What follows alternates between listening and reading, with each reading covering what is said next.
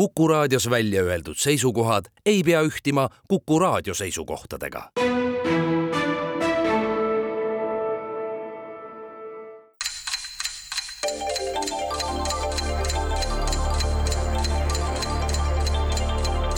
tarkade klubi targemaid küsijaid toetab lisateadmistega Postimehe raamatukirjastus tere taas, Kuku raadio Tarkade klubi tervitab häid kuulajaid kesakuu kolmandal laupäeval, mil paljud agrikultuuripinnad on ägamas valminud maasikate koorma all ja pakkumas tööd ja leiba nendele, kelle tööpäevad mööduvad reeglina horisontaalasendis ja rinnuli ujumise stiili meenutavate liigutuste saatel. aga mitte ainult, on aeg, kui konnade kopsud ning fantaasia pakuvad veesilmades uusi ideid heliloominguks ja helikaugemal inimestel kujutluspilte toimuvast kirevast eluslooduse ringist selja taha jäänud viidipäev on teadjamatel kindlasti leidnud tähistamist kapsaste ja tatra istutustalgutega ning täpselt nädala pärast toimuv jaanipäev on pannud teise pilguga vaatama rammusat eluskarja ning loendama kohe-kohe käitlemisele minevaid odrateri. Kuku raadio Tarkade klubi oma urbanistlikus keskkonnas ei ütle, et oleks nüüd päris kalestunud, aga on eelkõneldust pragmaatilisem hindamaks eesseisvaid võimalusi ja aastatega koondunud kogemusi suve suursündmuse ehk pööripäeva pühitsemiseks. üks võimalusi võib aga ei pruugi olla talletanud teadmiste interpreteerimine praktiliseks oskuseks või oskamatuseks ning tuleb talletatud baasi uut kihti, hakkab osalistele maalima ka tänane Tarkade klubi. hea meel on nädalase vahega tervitada stuudios eelmisel laupäeval siin saates ristsed saanud Postimehe kultuuritoimetajat ja kriitikut Tuuli Põhjakat. Tere! ja head erudiiti ning ennast nii haisvas orgaanikas kui teoreetilistes ühiskonnateadustes hästi tundvat Postimehe arvamustoimetajat Marek Strandbergi. teadustoimetajat. vabandust. tuhka ma tean arvamusest ei, arvamustoimetajad Kuku raadiost, ütleme siis nii, et igalupäevaselt. Tartu stuudios aga tervitame siis taas suviselt rõõmsat äh, inseneeriatudengit ning male- ja mälumängusõpra Karmen Viikmaad. tere! ja Tartu Ülikooli geograafi, kaasprofessorit ja kõigi muude ühiskondlike kohustuste juures ka Tartu Ülikooli Eesti terminite komisjoni liiget Taavi Paed. tere! termini sünonüümiks on siis oskussõna, rangelt defineeritud oskussõna, mistõttu võime siis täna terminiteks nimetada ka tänaste küsimuste teemasid. Need on Slava Ukraini geograafia, kultuur, vaaria ja vaatame taevasse küsijad on täna Kivimäe kooli ajaloo ja ühiskonnaõpetuse õpetaja Margus Pillau, raadiokuulajatest Vikipeedia administraator Taivo Rist, Ingliranna patrioot Enno Sivadi ja ennast kvastiomaaniks kutsuda paluv kuulaja Valeri Küpsis, see viimane termin tähendab siis inimest, kellele väga meeldib palju küsida. alustame ja anname avavaliku õiguse täna tallinlastele, Tuuli Marek, palun. noh, mis on, taevasse ei vaata Äh, vaaria või kultuur, ma pakun pakume kultuuri, sellepärast et siis me saame jälle nagu hiilata mitteteadmistega. Tenno Sivadi Inglirannast kohe avab mängu. tuntud Prantsuse filmirežissöör, stsenarist ja operaator, ikoonilise filmi Mees ja naine looja Claude Lelouch usub, et me kõik oleme geniaalsed filmitegijad tegelikult. inimestele on sünnist saati antud kõige täiuslikum kaamera, milleks on silm, ja parim mikrofon, milleks on kõrv keda või mida peab aga Leluc kõige geniaalsemaks filmi monteerijaks? und. und, keda või mida? Sellepärast ma just mõtlen, et äh, no montaaž on ju sihuke noh, ka mingil määral sihuke lõikamine ja. ja aga tegelikult nii ongi, et ega ju unes põhimõtteliselt see, mis ilmsi nähtud, omandab täiesti müstilise nii-öelda kombinatsiooni ja kui ta juba nii luuleline tüüp on, siis ilmselt on ta uneni jõudnud. pakume siis uni. ma kuulan Tartut no ei, nii. meil tuli ka uni esimesena, aga siis. minul oli esimene mõte aju selle peale. vot aju on täpne vastus ja, ja aju, aju saab aju. punkti ja yes. oleks nüüd mingisuguse ja. muu vastuse variandi peale jäänud, siis tõepoolest aju toimetab kõiki neid protsesse unes, aga aju on see täpne vastus no vot, poolt punkti ka ei saa. ei, ei, ei. aju, aju on faktiliselt õige vastus, Leluk ütles, kuna see oli Leluki tsitaat, teie aju on kõige ilusam redigeerimismasin ta ei rääkinud unest mitte midagi kust te teate? no palun, Timo just ütles. kultuurisõbrad ja tundjad, Karmen ja Taavi. mina vaataksin taevasse, minu meelest taevas on nii põnev. kujust tähtkujud ei ole no see, me peame viiakse. valmis olema vaariaks. kosmos võiks olla see teema, mis küsime taevast ja saame vaaria. no vaatame no,. see võib nii olla, Taivo Rist küsib tema on saatnud mõlemad taevased küsimused meile muide. Pleiaadid on sõnni tähtkujus asuv hajus parv, mille kaugus maast on nelisada nelikümmend valgusaastat. Pleiaadide läbimõõt on umbes kaheksakümmend kaheksa valgusaastat ja mass umbes kaheksasada päikesemassi, millest enamikku moodustavad küll tuhmid tähed. vanad eestlased tundsid Plejaade nimega sõelatähed või taevasõel. Vana-Kreeka mütoloogias olid Plejaadid atlase ja merenümfi Pleione seitse tütart, keda jälitas Orion.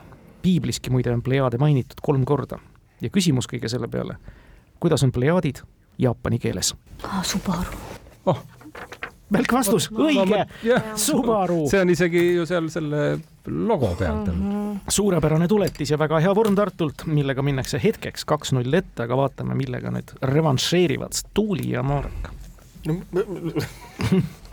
sõnatuks võtab S. sõnatuks võtab, sellepärast et meil oli seesama vastus olemas, noh muidugi.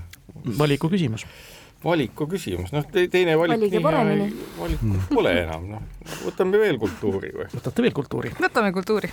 kirjastuselt Varrak tuli tänavu välja ligemale kolmesaja leheküljeline romaan Proua Lazar selle süžee sisaldab Levana nimelise tegelase pürgimusi saada teada rohkem oma vanaema Hanna Lasaare kohta, kes Teise maailmasõja ajal Eestist sakslaste eest põgenes ning kelle ülejäänud pereliikmed siin mõrvati antud raamatu näol on tegemist eesti keelde tõlkega, ümber pani selle Indrek Õis. millisest keelest on tõlgitud too teos? ma olen raamatut lugenud. nii ja äh... üks hetk, see on teadaolevalt esimene vastavast keelest eesti keelde tõlgitud proosateos. maa algus on küsitav ka riigikeeleks, kõneleb seda emakeelena arvestatavalt sada kolmkümmend kaheksa tuhat inimest. no vot, nüüd on ta on, äh, ta on iiri kirjanik peaks olema. kui palju kõmri keelt räägivad inimesed? Ma ei hakka seda, ta nime, ta on hästi huvitav nimi, äh, ma ei hakka seda isegi äh, mingit midagi sellist. ma ei, ma ei valda nagunii seda äh,. minu arust seal raamatu taga see oli isegi kirjas ja siis ma pean meelde tuletama. ja sa peadki tuletama selles mõttes, et mina ei ole raamatut lugenud. riigikeel ta on või? ka riigikeel. ka riigikeel. ehk siis ta on ilmselt äh, mingi iiri keele. õige. ma säästan sind sellest pikemast nii-öelda kimbatusest, see on iiri keel ehk gaeli keel. Gaeli keel. just. ma just seni... mõtlesin, kas need on samad asjad. on, on, nad on samad asjad, iiri keel ehk gaeli keel, senised iiri kirjanduse näited on inglisekeelsete originaalidega on... või inglise keele vahendusel meieni jõudnud. kui meeskonnas, naiskonnas, seltskonnas, võistkonnas on inimene, kes oskab lugeda. ja autorid, sa mäletasid ka suhteliselt täpselt, on siis Tadg McDonagh käis ka äsja aset leidnud festivalil Head read. ja ma tahtsin autogrammi küsima minna raamatusse, aga ma, ma ei olnud Tallinnas tol hetkel. üks-kaks Tallinna poolt vaadates ja kultuur on läinud, läinud ja seejuures täispangale nagu kõik senised kuuldud küsimused. Karmen Taavi teie valik? no lähme kosmosesse. sulle, no okei okay,, kosmos siis jah, kuna meil nii hästi läks esimene, siis esimene küsimus oli muidu see. kindlasti Nõukogude automark Žiguli, ma ei Vas, tea ka. Gagarin, Gagarin on teine. ei tuleta vist küsimus jälle Toivo Ristilt. päikesesüsteemi suurim kuu ehk siis planeedi looduslik kaaslane, on Jupiteri ümber tiirlev Ganymedes, läbimõõt viis tuhat kolmsada kilomeetrit. kui veel hiljuti peeti suuremaks Saturni ümber tiirlevat Titaani, näiteks kaheksakümne kuuenda aasta teatmeteos A ja O annab Titaani läbimõõduks viis tuhat viissada, siis tegelikult on see viis tuhat ükssada viiskümmend. ja küsimus nüüd kõlab, millisel põhjusel peeti Titaani aastakümneid tegelikkusest suuremaks? Titaan on päikesesüsteemi ainus kuu ehk siis planeedi looduslik kaaslane, millega selline eksitus võis juhtuda. kas ta on gaasiline? äkki võib põhjus olla selles, et ta on gaasiline või siis ongi nähtavuse küsimus, ehk siis meil ei olnud sel ajal nii häid, nii head ligipääsu et hoomata seda, mis on tema mõõtmed ja ta võis tunduda. ja ei, see, see gaasivärk on kindlasti noh, üks asi nende, nende juures, oota, see titaan oli, kummal ta oli siis, Saturnil või? titaan on Saturnil, jah. aga huvitav, et täiesti, kui veel mõelda edasi, et, et teadmata kosmosest väga palju, aga, aga mis siis, et kui tal on see rõngas ümber, et, et kuul võib ka äkki rõngas ja kui ta on näiteks rõngaga kogu aeg äh, meie poole, et mingi hetkeni, kui sa siitpoolt vaatad, et siis on see nagu noh, et sa paned nagu, liidad selle rõnga sinna juurde. pärast said aru, et, et, et see rõngas on tegelikult, käib selle, selle kuu ümber ja siis see kuu ise on nagu väiksem. noh, need rõngad ju mõnel juhul vist ikkagi noh, meie suhtes nurka ju muudavad või ei muuda, aga ta võib nagu ühel juhul või noh, ma hakkasin lihtsalt mõtlema, see gaasivärk on, see on paljudel vist asjadel, et noh, ta ümbritseb, noh, et sa näed nagu atmosfääri ka, kui sa siit vaatad, piltlikult öeldes sa näed atmosfääri, eks ju, et noh, ma ei tea, nagu kui maal mõelda, et kõik oleks veeauru täis lihtsalt, on ju, kaugelt vaatad noh, ta on suurem, eks ju, see oli see, see, mis sina pakkusid, jah? no see on see mõte, mis, mis võib olla põhjuseks, et miks kaheksakümne kuuendal aastal arvati, et ta on suurema läbimõõduga. jah, aga huvitavam oleks see, kui tal on see, et me vaatame kogu aeg, et ta on äh, või teda kuna mõõdeti, siis oli täpselt nii, et see tal nagu Saturnilgi käib see noh, see, see vist on ju ka mingite kivimite kogu või mingi, mis seal ümber nagu tiirleb, tekitab selle aga ma ei tea, see gaas oleks nagu lihtsam ja loogilisem, aga minu arust paljudel taevakehadel on see, kas see, kas see kivimite ring ei või veel olla tekkinud ümber, et noh, põrkab millegagi kokku, siis jäävad nagu ümberringi tiirlema mingid. ja, ja jäävad ringlema ja võivad isegi endasse haarata. jah, aga ma mõtlen, et kui kaugelt vaatad äh,, teleskoobid on kehvad äh,, siis vaatad kaugelt, näed, et ta on suurem, mõõdad ära, aga pärast selgub, et see osa on üldse ring seal ümber, mis käib. aga võib-olla me üldse oleme kinni. No vot, üks asi ongi see, et kas on nüüd äh, meie andmed nii palju paremaks läinud, et me teame täpsemalt või no, need muudatused toimuvad väga pika aja jooksul jällegi, kui on kaheksakümne kuuendal aastal siis ei saa olla mahu kahane või seda mahu jah, kahanemist olnud. mulle tunduks see ketta teema natukene atraktiivsem kui see. tunduks jah kui see lihtsalt, et, et tal oli nagu atmosfäär ümber nagu või noh, mingi, ma ei tea, veeaur, veeauru seal pole, aga no mingi gaasid ümber. aga äkki on ikkagi kahanemine toimunud nende protsesside tulemusel? aa, päris sa nii mõtled, et ma ta on, et äkki on isegi saanud paugu ja läinud väiksemaks või? see oleks aga... ka huvitav, et äkki sai pihta millegagi aga see toimub nii, nii, nii pika aja jooksul, et. no aga Saturn ju ikkagi, kuna Saturnil endal on see ümberring. aga ma ei usu, et tema tehiskaaslastel on. aga ei... usu, et on. no, no teeme nii, et ma usun, et on. no proovime sellega, et, et. arvati jah et.... arvati, mõõdeti ühesõnaga koos selle ümberkäiva rõngaga ei ole see kahjuks õige vastus vabandust. Tuuli ja Marek me lootsime, et nii on, selles mõttes, et ega need kaaslased ju põhimõtteliselt tiirlevad täpselt selles samas samas nii-öelda pudrus, milles on Saturni rõngad, et ega võib-olla mõni on seal lähemal, aga eks nad kõik ole selles massis, mis seal on. noh, teine asi, mis kostus ka läbi, et nüüd ongi lihtsalt see küsimus, et mis saab harv olla, eks ole, et kui need rõngas ei ole see harv asi, mis on vähetõenäoline, sellepärast et noh, Saturn on ehk et äh, maast natukene väiksem planeet ehk tükk, mille atmosfääri piir on siis tegelikult äh, maa omast äh, umbkaudu kaks korda suurem. no mida võib oletada, kui seal on mingi kerge gaas, millest see atmosfäär koosneb no mis see kerge gaas võib olla?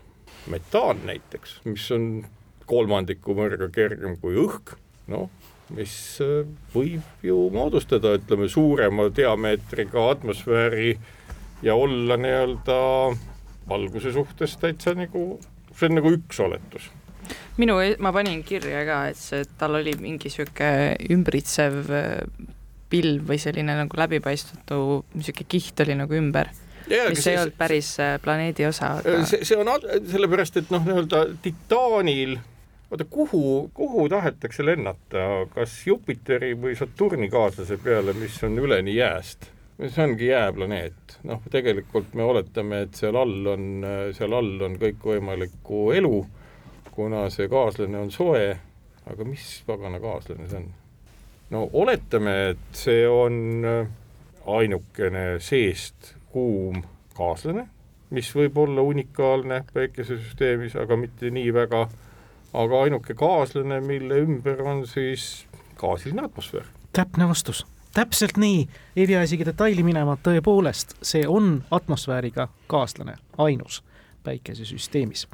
tema läbimõõdu määramisel tehti vanasti kindlaks tõesti läbimõõt koos atmosfääriga, nüüd võetakse ikkagi pinnast, mitte ümbert, nii et see oli see teine variant, mis teil ja see lihtsam variant hea Tartu, mis teil lauda jäi meil oli palju huvitavam variant. oli, oli, ma oli, isegi, mulle meeldiks minna sellise titaani peale, kus oleks rõngas.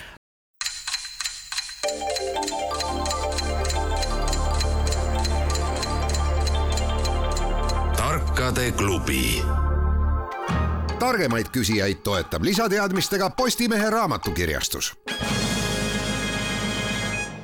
kaks-kaks pärast nelja küsimust, nii et Vaaria, geograafia või Ukraina, me oleme jälle sellise väga raske valiku juures. meie jälle või? Jeerum. võtame vaaria, loodame, et vaaria. on, on jälle mingisugune, mingisugune sisaliku poolt põhjustatud leiutis. järgneva küsimuse pärast palub küsija juba ette vabandust oh. kuulda võiva šovinismi ja iganenud eelarvamuste pärast aga see küsimus tuleb ka humoristide ringist. nimelt on siis hulk humoriste, eeskätt silmas pidades Venemaad, heitnud sealsetele baleriinidele ette seda, kui valesti on nad siis vene naist ilmselt vaatajale ette kujutanud.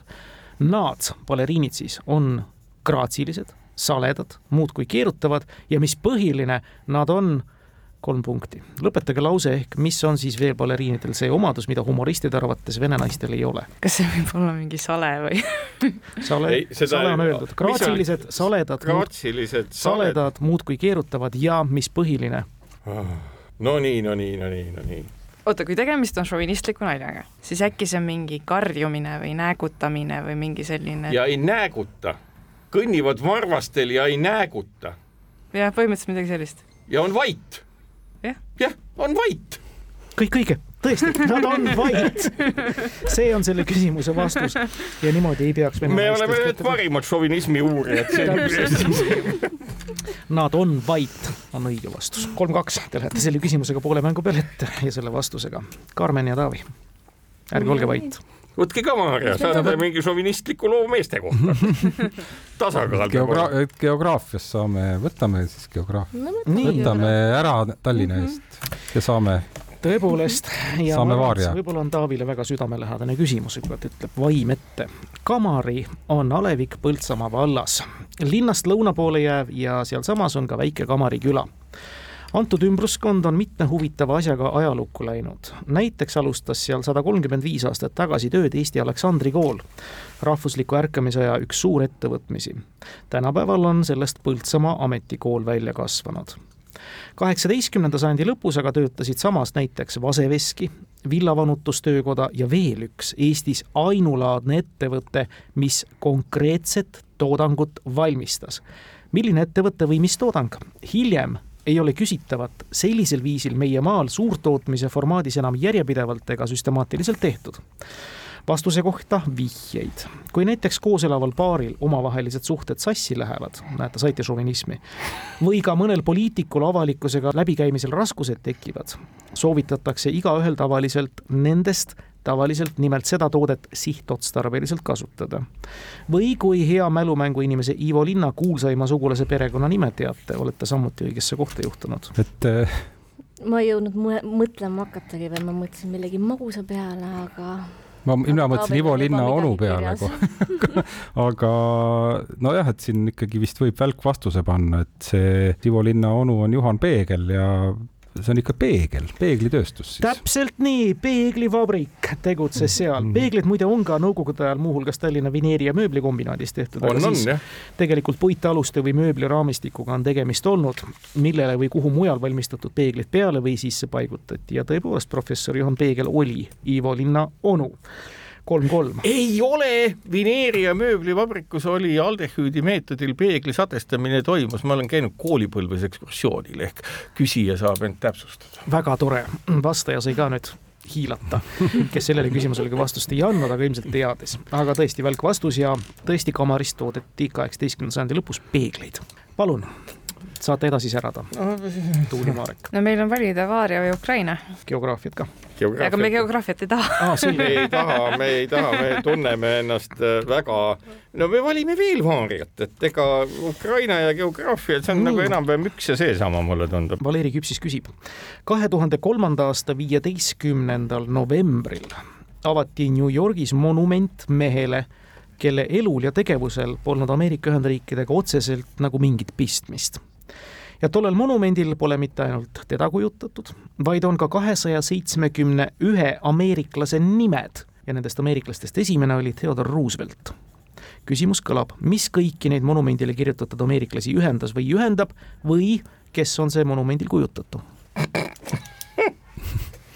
mingi vennaskond. ma olen sellest kuulnud, aga ma ei mäleta ei no ega siis tuleb meelde, kui sa oled kuulnud, siis on lihtsalt meetodi küsimus, et ja. sa rääkima hakkaksid, nagu me teame. see oli mingi hästi et nagu mis oli sada kolmteist meest oli seal või? kakssada seitsekümmend üks, kakssada seitsekümmend üks meest, ameeriklast, ameeriklast, ka naisi. ja see ei ole nii šovinistlik küsimus. see ei ole šovinistlik küsimus. mis, mis oli mingi selline omadus või mingi, mis Roosevelti erinevaks tegi? ei no, ja ta lihtsalt oli esimene mingi millegi tõttu. no vaevalt, et see oli Jeesus Kristus sellepärast et eh, noh, ma usun, et ka eelmised on kuidagimoodi Jeesus Kristusega seotud, aga milline see ausamas olla võis, noh, kes veel on tegelased, kellel ei ole Ameerika Ühendriikidega mitte mingit pistmist? kuidas Buda kujutatakse? Buda kuju. suure ja kuldsena tavaliselt. suure ja kuldsena. Kas Theodor Roosevelt võis olla budist näiteks? kakssada seitsekümmend üks eh, kuulsat eh, Ameerika budisti või keda siis veel? noh, milliseid liikumisi veel olemas on. Konfutsiuse, no kas me võime ette kujutada, et Ameerika Ühendi, et äh, oli tuntud konfutsiaan. äkki see ei olnud religiooniga üldse seotud? no budism väga ei olegi religioon, noh, aga noh, keegi, kes on, oota, ma saan aru, et on üks inimene ja teised on mainitud jah äh,, mingi kuju ja siis seal on see, kakssada seitsekümmend üks nime. just. kuju ja kakssada seitsekümmend üks nime, kellel on Ameerikas mingi see kakssada seitsekümmend üks, see number on ka kuidagi väga spetsiifiline. see on algarv. No vaevalt, et see nüüd nii numeroloogiline nähtus on. kakssada seitsekümmend üks ameeriklast, äh, kes on, noh, need ei ole, eks ole, ei ole kahtesadat seitsekümmend ühte presidenti ju. ja seal ei ole Donald Trump oli ju alles mingisugune neljakümne viies või mitmes ta oli. nüüd on mingid muud tegelased, noh milliseid äh, ühele tegelasele? kas Rooseveltil mingit puuet ei olnud? Oli, oli, ei Theodore Roosevelt, Franklin mm. Delano Rooseveltil oli puue, tal oli lastehalvatus mm, -hmm. aga Theodore Roosevelt äh, oli mäletamist mööda, noh, ma nii vana inimene, et mäletan teda ju isiklikult, täiesti kõps ja korralik äh, vanahärra mingil hetkel. no aga äkki see on, et, et mis neid ühendab, neid ühendab äh, mingisugune ilmavaade, neid ühendab mingi pühendumus, noh, et äh, noh, mis see võib olla, et, et kui on mingi inimene, kellega seotakse, siis see on mingi noh, see ongi täpselt esimene mõte, mis tuli, oli, et äh, Buda. Budism, noh, niisugune suhteliselt nagu noh, pigem mittereligioosne selline ilmavaade. Aga Buda ikka kujutatakse ju kuidagi, eks ole. jaa, ongi tavaliselt, ta on niisugune suur ja kuldne ja jah, niisugune istub, istub ja hoiab näppusid kuidagimoodi, et äh, kuna me ei oska öelda, kas äh, vaevalt, et ta oli mingi Ku Klux Klani liige või midagi muud, et noh, pigem ikkagi mingi human... Ku Klux Klan on ka väga Ameerika-põhine nähtus ju. jah, see ongi, et äh, no millised veel nagu väljapoolt, ma ei tea, filosoofilised suundumused või ma ei tea.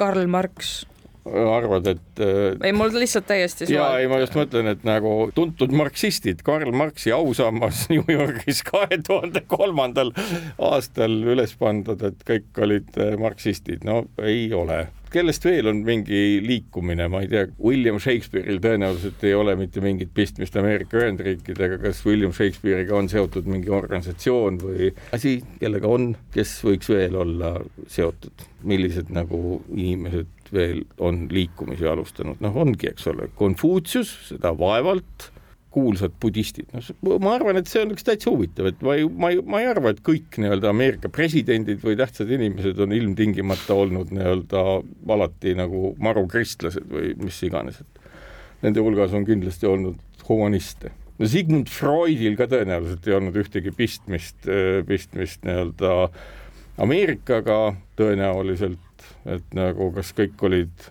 Freudiaanid, kakssada seitsekümmend üks Freudiaani kuulsat Ameerikast.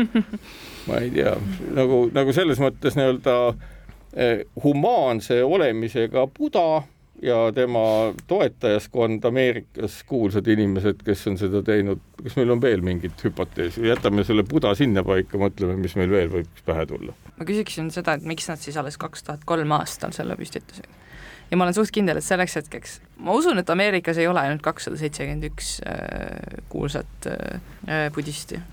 kindlasti on neid rohkem, aga võib-olla need on märkimisväärsed või aga kes need veel võivad olla? seal peab olema mingi põhjus, miks ta mainis seda kuupäeva. ei, see on lihtsalt mainitud, et siis pandi üles, et nagu, et aga mis meile ütleb kahe tuhande kolmas, noh ka kaks tuhat üks oli nende pagana asjade pommitamine, kaksiktornide lennukid sõitsid sisse, noh, kellel pole Ameerika Ühendriikide mingit pistmist, noh, Mikki Hiirel on noh, millised nagu tegelased veel on olemas, kirjandustegelased, noh, need peavad olema nagu tegelased, kes olid olemas ennem Theodore Roosevelti, mis on kahekümnenda sajandi algus.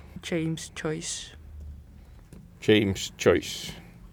See kirjanik. ja, aga ja siis kakssada seitsekümmend üks inimest, kes olid teda lugenud või? ei, ei äh, seal on ju see mingi Bloomsday mingi tähistamine, aga ma ei tea, millal seda tähistatakse hmm see tundub liiga nagu äh, kaugele minemine. see on jah, ma olen käinud New Yorgis, aga seda ausammast pole ma näinud, järelikult seda ei ole olemas ütleks nii-öelda tõejärgse maailma inimene.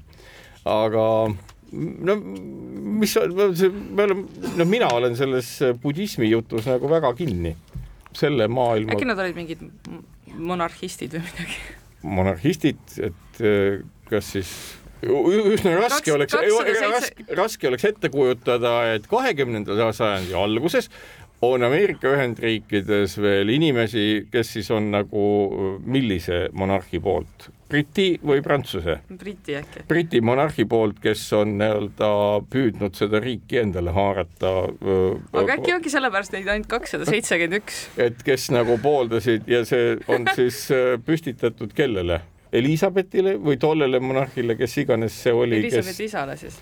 Ei no sõda peeti Ameerikas veel varem, üheksateistkümnenda või kahe, kaheksateistkümnenda sajandi lõpul oli nii-öelda Ameerika iseseisvussõda, kus Briti krooniga võideldi ja ma ei kujuta ette, noh, kas keegi võis nagu kahekümnendal sajandil, sealhulgas Theodore Roosevelt öelda, et vot, vot see oli äge taat, et oleks pidanud ikka õigel hetkel, ma ei tea, ma, mina ütleks, et see on Buda no paneme Buda. paneme Buda. pikk arutelu ei vii kahjuks sihile, küll tahaks ah. Ei ole Buda ja palun, Karmen Taari. ka meie oleks tahtnud, et see oleks teil sihile viinud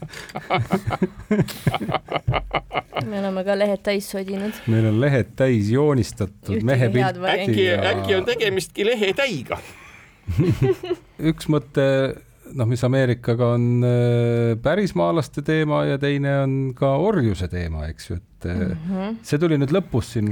no me hakkasime Karmen... mängima natuke võib-olla, et äh, selle aastaga kaks tuhat kolm ja kui sealt tagasi hakata võtma, et kas on mõni selline tähtsündmus, et mille, mille tõttu või võidi siis pühendada see mälestussammas sellele tähtsündmusele aga, aga ega no see, et, jah, et see on nagu kahekümnenda augusti klubi, et on mingi hunnik inimesi, kes on alla näiteks, kes lõpetasid kakssada seitsekümmend üks, kes kirjutasid alla orjanduse lõpetamisele. Või noh, näiteks, et need inimesed on siis eh, tumedanahalise mingi mehe kuju ja, ja, ja siis sinna pandud kakssada seitsekümmend üks nime, kes siis lõpetasid selle nagu. No aga teadmata jällegi, et kuidas see seostub Roosevelti ja, ja mis kuupäevaga, eks ju. siis me korraks kahtlesime ka, et mis on selle Roosevelti täisnimi. ja et äkki on mingi suvaline ja, see Roosevelt äkki. on äkki sinna pandud Smith tegelikult või noh, suvaline nimi.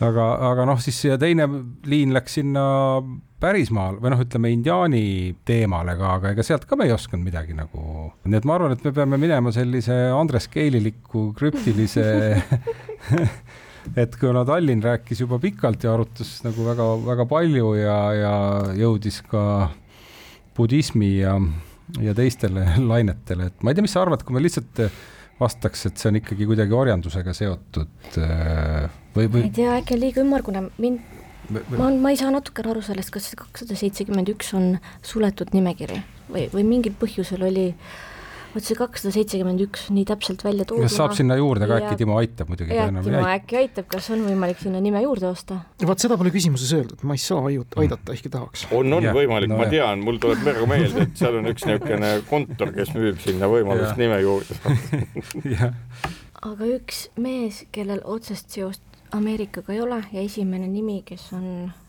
monumendile pandud, on Roosevelt ei, ei tähendab sellel kujul endal, selle, keda nagu see põhikuju näiteks ma jäin mõtlema, et korra Columbus, eks ju, et Columbusel, kui me võtame tänapäeva Ameerikaga, nagu tal pole mingit, ta isegi suri nii ära, et ei teadnudki üldse, kus ta, et, et Columbuse kuju ja, ja siis millegipärast on sinna pandud kahesaja seitsmekümne ühe nagu inimese, kellest esimene on Roosevelt, et noh, et võib-olla mingi maadeavastusega seotud või noh, Amerigo Vespucci või, või noh, et et noh, Columbus oleks nagu mingi sümbol, et noh, tema ikkagi nii-öelda avastas Ameerika ja siis, aga miks seal peaks olema Roosevelt ja miks see Roosevelt number üks on Roosevelt nagu? peaks võti olema. nojah, aga Roosevelti mina ei tunne teda nii hästi. mina ka mitte, aga kas kas sa tead, et vastab tõele see fakt, et ta oli? ei no seda vist Marek ütles, et tema oli ju ikkagi ratastoolis ja mingi ei, mina ütlesin, ja... et Franklin Delano Roosevelt oli ratastoolis, aga Ameerika president Theodore Roosevelt ei olnud, et meelde tuletada. jah aga no, see ei pruukinud sõna... olla ka see Theodore Roosevelt, vaid keegi teine nimega ei. nimega ei. vennad, vennad Rooseveltid no et, et siin on siis nagu. lähme äkki Andres Keeliliki, Keelilikuks. see on Andres Keel. vastuse peale no aga vastame siis, lähme selle mustanahalisuse, et ühesõnaga, et see võrdsed õiguste eest. võrdsed õigused, mustanahalisus ja, ja, ja orjandus, et see oleks meie suund. vale suund kahjuks, et ei saa ka niimoodi keelilikku punkti anda teile. tegelikult on asi märksa lihtsam, jah, tõepoolest sinna tekivad need nimed ka juurde, lisaks sellele kahesaja seitsmekümne. ta teadis seda. ja, aga osta ei saa neid tegelikult ei saa ja tegemist on ka ainsa kujuga Ameerika Ühendriikides, kus on ka elavate inimeste nimed peal. selle kuju peal on kujutatud Alfred Nobelit ja selle peal on kakssada seitsekümmend üks ameeriklast, kes on võitnud Nobeli preemia. Theodore Roosevelt oli esimene rahupreemia laureaat tuhat üheksasada kuus, esimene ameeriklasest. ja Alfred Nobel on... Nobel ei käinud kordagi Ameerikas. tal pole mingit pistmist sellega. oh sa pagan. ja see tõepoolest, see statuuia täieneb igal aastal nimedega. no Nobeli küsimus on ju tavaliselt ikkagi igas mängus olemas. ja ikka on. on, on. kasvõi sellestki faktist kinni hakata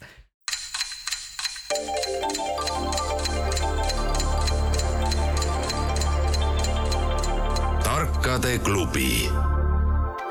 targemaid küsijaid toetab lisateadmistega Postimehe raamatukirjastus. meil on kolm küsimust lõpuni minna, meil on kolm-kolm viigiseis praegu ja valida on siis nüüd kahe Ukraina ühe geograafia vahel. Karmen Taavi, te olete valijad. valime siis geograafia ära või? no võtame siis geograafia, esimese geograafia me oi, läks hästi. see läks hästi. kuigi küsimus oli täiesti valesti, me protestime tõenäoliselt Nii. selle, sellepärast et peegleid toodeti ka mujal. küsimus kõlab, maailma üks eksklusiivsemaid baare asub paigas, mille asukoht on defineeritav üheksakümne kraadiga. sellel baaril on ka nimi, tegelikult isegi kaks. nimetage need kaks üldtuntud isikunime, mida too baar kannab geograafia mm. -hmm maailma, kraadiga. maailmas on baar, mille nimi on üheksakümmend kraadi. mille asukoht on defineeritav üheksakümne kraadiga. baaril on ka nimi ja me tahame teada, milline nimi, tal on kaks üldtuntud isikunime baari nimeks pandud. ja geograafia, no üheksakümmend kraadi hakkab, üks mõte läheb, aga ega ma selle kaugele, et laius ja pikkuskraadid on geograafias olemas, eks ju. ta võib olla ka millegi suhtes. Ja teine on noh, täisnurk. ekvaatori suhtes kas me üldse mingisuguseid paare teame, mis on nii tuntud? ei no selles mõttes, et paari nimi, paari nimi, miks see geograafia, muidugi siin geogra-, kui nad on geograafia rubriigis, siis peaks siin ikkagi ju üheksakümmend on ju, kui me laiuskraade võtame, siis on need poolused, eks ju mm. -hmm.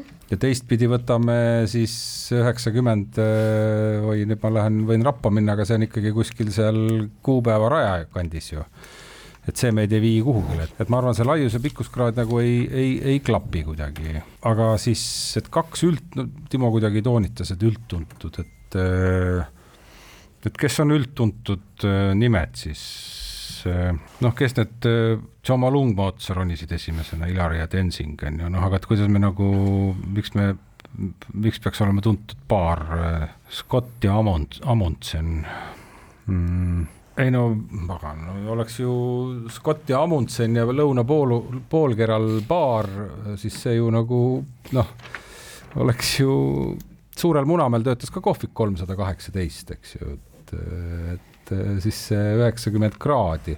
muidugi baar üheksakümmend kraadi äkki viitab joogi kangusele hoopis või? no nii kanget jooki ei, ei saa, ei saa, ei saa juua põhimõtteliselt ikkagi seda hingad äh, sisse lihtsalt, pudeli lahti ja hingad rahulikult. ei ja, olegi mingit siis, nagu maohaavu ja mingit jama. siis see baar võib olla jumal teab kus on ju, et Mm -hmm. no igastahes on see geograafia küsimus palju raskem kui see esimene geograafia ja. küsimus. no kas meil on, meil ei ole isegi. väga raske küsimus. no aga ma... Timo on umbes sellise näoga küsis või sellise näo, nägu me ei näe, aga häälega nagu, et, et, et kahe tuntud et aga millegipärast ma mõtlen geograafia, et see ei saa olla, et selle. ma arvan, me peaks äkki Eesti peale ikkagi kuidagi mõtlema, sest me, me ei tea ühtegi sellist paari, mida me peaksime nii hästi teadma. Savood. Savood. no aga sellise perekonnanimega meest ma ei tea, et meil võiks, et mis me no,. ta on mingid... defineeritud millegi suhtes ikkagi. et Eestis on küll, ma arvan, et selliseid advokaadikontorid, kus on kaks meest, et nagu kahe mehe või naise nimed. aga kahe mehe paari me küll ei tea ja või noh, et, et ei, mina arvan, et see on mingi maailma asi ikkagi, ma arvan, et see ei ole Eesti. ja kuna, kuna ta on geograafia aga ei saa olla lõuna, põhjapoolusel ei saa olla, noh, ta ei saa olla avatud kogu aeg, aga põhjapoolusele muideks tehakse küll ju kommertsreise nagu, et selles mõttes, et et sa võid, kui sul raha on palju, siis lähed sinna ja võib-olla seal on siis avatud baar, no kes seal on siis nagu, ma ei tea, Nansen ja ma ei tea, keegi, oi, me oleme omadega rabas ikkagi, mis kaks nime on või? üldse ei tule. paari nimi. jah jah, lihtne, aitäh, Timo. üheksakümmend kraadi ikkagi, miks see ja geograafia? defineeritud üheksakümne kraadiga. mina olen väga kinni selles, et see kuidagi on nagu laius-pikkuskraadid, aga, aga, aga, aga. no kuna ta geograafia all on, siis võiks just. ei tea, ma arvan, et ikka keemimistemperatuuri järgi siin on vastus selles. ei, aga küsimus oli, et isikunimesid on vaja või? või kohta või? paari nimi mis koosneb kahest isikunimest. no geograafias, no aga vastame siis Scott ja Amundsen, need on ikkagi väga geograafia ja tuntud, no need on kõik üldtuntud, noh, et vastame Scott ja Amundsen. tublid, lasin natuke praadida selles üheksakümnes kraadis, äge oli kuulata. see on Amundsen Scott, tegemist on tõepoolest lõunapoolusel asuva Antarktika uurimisjaama, muide, mis kannab ka Amundsen Scotti nime. selle kohaliku baariga seal töötab terve suur hulk inimesi, kes aeg-ajalt ikka lõõgastuvad, ma ei tea, kas seal üheksakümne kraadis joogisaatel või mitte see oli see... lõuna pool või? ikka lõuna pool jah, sellepärast, et me mõtlesime, et kui see on põhja pool, siis see on kusagil seal ei saa kuskil triivi all pangal see olla. ei no see võib olla seal mingi saarestik. aga aitäh, Timo, sulle. aga meil olid nimed, meil olid meil, nimed meil samad kirja pandud. lust oli kuulata vähemasti ja tõesti kannavad siis äh, lõunapoolusele jõudnud legendaarsete polaaruurite nimesid. Te rebite selle paari küsimusega neli-kolm ette. oh sa pagan. ja nüüd on, on Ukraina saatus. no aga ega nagu noh, meil, meil ei ole ju. valime Ukraina või Ukraina valime kas Ukraina või Ukraina, valime Ukraina teise küsimuse või esimese. Vahet ei ole, ta ju küsib ikka seda, mida ta küsib, noh nii no, ongi. hakkan esimesest pihta. Ukraina linnade hulgas, nõnda nagu paljude maailma riikide linnade seas märkame, et mõnel nendest on oma nime tagumises osas samad tavaliselt sisuliselt tähenduslikud järelliited. no näiteks Mariupol, Melitopol, Simferopol, Sevastopol või siis veel tüüpilisema näitena on slaavi rahvaste linnadele lõpus ikka ja jälle iseloomulik SK, Donetsk, Luhansk ja nõnda edasi.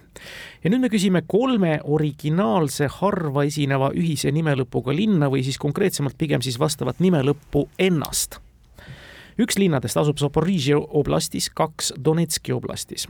üks on seal rindejoone piirkonnas Ukraina kontrollitav, kaks on hetkel paraku orkide kätte langenud. üks nendest on juba seitsmeteistkümnendal sajandil teise nime all asutatud ja oli Nõukogude aja suure osa ametlikult Karlo Libgnethovsk Karl Liikneti järgi siis saanud nime. ja teised kaks on alguse saanud aastatel tuhat üheksasada kuuskümmend neli ja tuhat üheksasada seitsekümmend.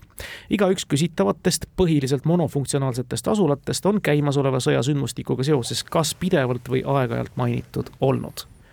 nimetage linnad või nende linnade lõpus olev kolmetäheline iseloomulik lõpp no nimi tuleb meelde nagu Bahmut, et muttlõpulised linnad, ma ei tea, kui palju neid veel on, äkki on veel mõni või, või siis äh, seal on ju metallurgiaalased linnad stalllõpulised, noh, lihtsalt nagu tegev, monokultuursed. monokultuurne tähendabki stall, monofunktsionaalne, mitte monokultuurne. no ma jah, no ütleme, noh, mina olen, saage aru, ma olen lihtne inimene, minu jaoks on olemas ainult masinad, inimesed on ebaolulised ja selles mõttes, et kõik, mis masinatega. aga kas me oskame veel nimetada? no ütleme, et mutt lõpuga. Eh, mitte mutt, vaid stall ja siis on, eh, siis on need igasugused netskid, kuznetsk ja, ja, ja aga noh, et etsk, etsk, mutt ja stall ja siis on nagu veel neljas võimalus on, et on Donbass, Kuzbass ja on siis nii-öelda basseinid või siis nii-öelda väljad.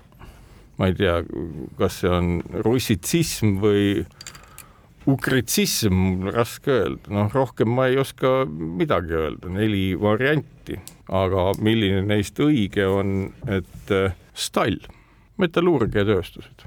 on see vastus? No see on vastus. ei ole see õige vastus. no siis on see vale vastus, me ütleme siis õige vastus me kuuleme Tartut.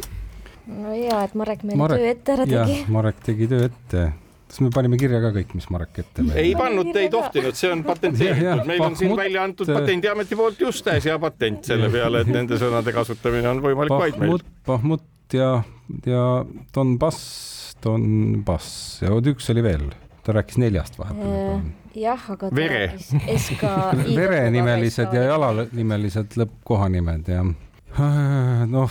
sul endal oli ka mutt oli kirja pandud. ei no mutt läks, see tuleb selle Bahmuti mm, -hmm. Bahmutiga on veel vist selline, mitte vist, vaid äh, on see, et venelased ei nimeta teda Bahmutiks, venelaste jaoks on ta mingi, ma ei tea, mingi Artjomovsk või mingi, mingi A-tähega minu meelest mingi, aga see oli küll nüüd niiviisi Timol seal kuidagi kavalalt, et üks linnadest on vana, aga see, siis see nimi on talle tulnud ikkagi, kõik tundusid niisugused tööstusnõukaaja linnad, et need kaksteist olid kuuskümmend neli ja seitsekümmend saanud mm, -hmm. eks ju. siis midagi on seal ju seotud ka soolaga, aga need, see on see esimene os, osa mingi, mingi sol-, Solokamsk või mingi, see läheb ikkagi see ska lõpp sinna, eks ju. mainitud ja. jah, või äkki see, kas mõne, võib-olla linna nimi, mille see soll läheb lõppu hoopis nagu. kuule, see ei ole välistatud, et ja kas vene keel, aga mis asjad on äh, see ei ole küll Venemaal, aga mingid tarr-lõpulised, noh, Krasnodar, äh, Solidar, oli, Solidar oligi Soola, vot, kas see ei ole, mingid lahingud käisid, et see on mingi soolakaevanduslinn, linn, mille lõpus on tarr. see kõlaks ju veel, minu meelest mingid lahingud olid Solidarri ümber, mitte segi ajada Solidarnostiga, aga aga äkki tarr, ega see ei ole paha vastus? äkki ei ole paha vastus et me mutti ei proovi, siis proovime. no mutt oleks see, et see Bahmutist on saanud nagu omamoodi süm-, sümbol, eks ju, me kõik, aga, aga, aga millegipärast mul hakkas see sool ja solidar või midagi sellist oli Solidari linna juures midagi toimus aga paneme selle tarr. tarr. ei ole paha tar. pakkumine, ei ole paha pakkumine, see on õige pakkumine, punkt tuleb tõepoolest, üks küsitutest oli siis Soledar ja siis Soledar, just, ja teine on Zaporožje oblastis asuv suur energialinn Enerhodar, kus asub siis Euroopa suurim tuumajaam. Ja kolmas neist on Vuhledar Donetski oblastis, vastavalt siis energiaand, energiakingitus, soolaand ja söeand. ehk siis peamise tootmistegevusala järgi saanud nimetused tuumajaama linn Enerhodar Zaporožje oblastis ja teadatähetust vanim Soledar, see oli see Karlo Dibgnehtovsk, on siis mulluste lahingute järel Venemaa okupatsiooni all. see on teile Taavi ja Karmen viies punkt, mis tähendab seda, et olete mängu võitnud ja saate ka viimast küsimust kuulda esmalt. Ukraina riigi tänane nimetus leidis esmakordselt teadaolevalt kasutamist aastal tuhat ükssada kaheksakümmend seitse. Ukraina nimetus tuleneb vanaslaavi keelest ja küsimus kõlab, mida see etümoloogiliselt tähendab. Emil Todel on ilmunud samanimeline romaan. no aga piiririik. piiririik. välk vastus nõnda ongi ja see on siis kuues punkt tartlaste, tallinlaste kolme vastu, väga viljakas ja resultatiivne mäng olnud, kus üks küsimus, see Nobel, ongi jäänud siis vastuseta. küsime tänase mängu järel nüüd, head mängijad, mis täna kuuldus siis kõigist sellest komplektist parimana? Nobel. Nobel vist ongi Nobel. siis. Nobel. Nobel. jääb siis Nobel ja Valeri Küpsis teist mängu järjest saab hiilata, see juba võrdub ka Nobeli preemiaga, kui läheb sedasi au auhind ära. suur tänu, Tuuli ja Marek Tallinnas, suur tänu, Karmen ja Taavi Tartusse. ilusat eesseisvat suve ja seda nüüd tõesti sõna otseses mõttes ja uute kuulmisteni. hoolega hoitud auhinnad toob kohale Smartpost Itella. lõpetame saate nagu ikka kuulajamänguga eelmisel laupäeval lõpetas saate küsimus USA kirjandusklassiku Mark Twaini ühe järjekordse teravmeelsuse kohta. Humorist ja kirjanik pidas just seda paika kõige ohtlikumaks kogu maal, põhjustel, et seal sureb konkurentsitult kõige rohkem inimesi. millist paika pidas teravmeelne Twain silmas, küsisime siis õige vastus on, et Mark Twaini hinnangut mööda oli selleks kohaks voodi, kus kõige enam inimesi sureb. seda kuulsat tsitaati teadsid paljud kuulajatest. loosiõnn naeratas neist kuulaja Marius Pihlakule. palju õnne, teiega võtame ühendust. uus nädala küsimus kõlab järgmiselt.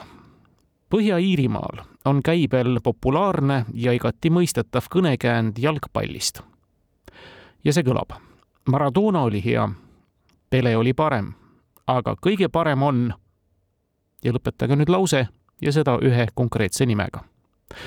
Ootame teie vastuseid nagu ikka e-posti aadressil tarkadeklubi at kuku punkt ee või tavapostiga aadressil Tartu maantee kaheksakümmend, Tallinn, Kuku raadio, Tarkade klubi. palun lisage kindlasti juurde ka oma kontaktandmed samadel aadressidel on oodatud ka Kuku kuulajate küsimused saates mängivatele tarkadele parimad küsimusedki saavad premeeritud. tänaseks lõpetame, kuulmiseni.